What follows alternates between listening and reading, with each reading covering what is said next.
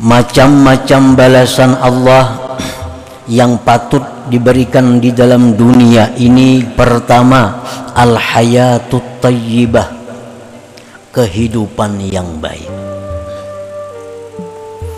Allah berfirman man amila salihan min zakarin aw untha wa huwa mu'min falanuhyiyannahu hayatan tayyibah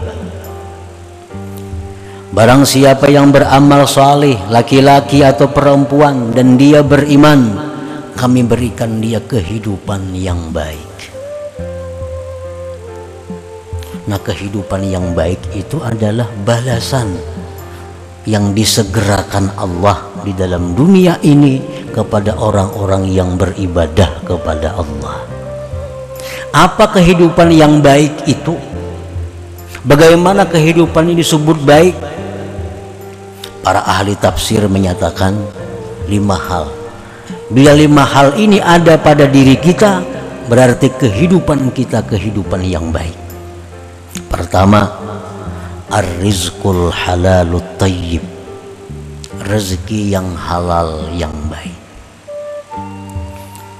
Orang yang beramal ibadah dalam dunia akan diberi Allah balasan segera dalam dunia pula balasan yang pertama adalah rezeki yang halal yang baik. Rezeki itu halal baik. Sebab ada rezeki yang halal tapi tidak baik. Ada rezeki yang halal tapi tidak baik. Contohnya orang bekerja pekerjaan yang halal misal bertani beternak. Tetapi dalam bertani beternak mereka meninggalkan keperduan-keperduan mereka sembahyang kada sempat beribadah ini kada sempat karena kesibukan dalam pertaniannya dan peternakannya atau perdagangannya. Padahal hasil bertani itu halal beternak itu halal, berdagang itu halal, tapi tidak baik. Kenapa?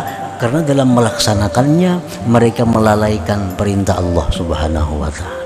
Halal tapi tidak baik. Yang kedua yang halal tidak baik adalah harta yang baik yang halal, harta halal.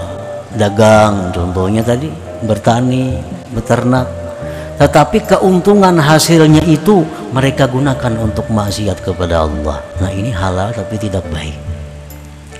Kalau rezeki yang halal yang baik itu harta yang didapat yang halal dengan tanpa melalaikan perintah Allah dan tanpa menggunakannya di jalan yang tidak diridai Allah maka itu rezeki al halalu tayyib yang halal lagi baik Nah, bila kita beribadah kepada Allah Subhanahu wa taala, maka balasan yang segera dikirim Allah adalah rezeki yang halal baik.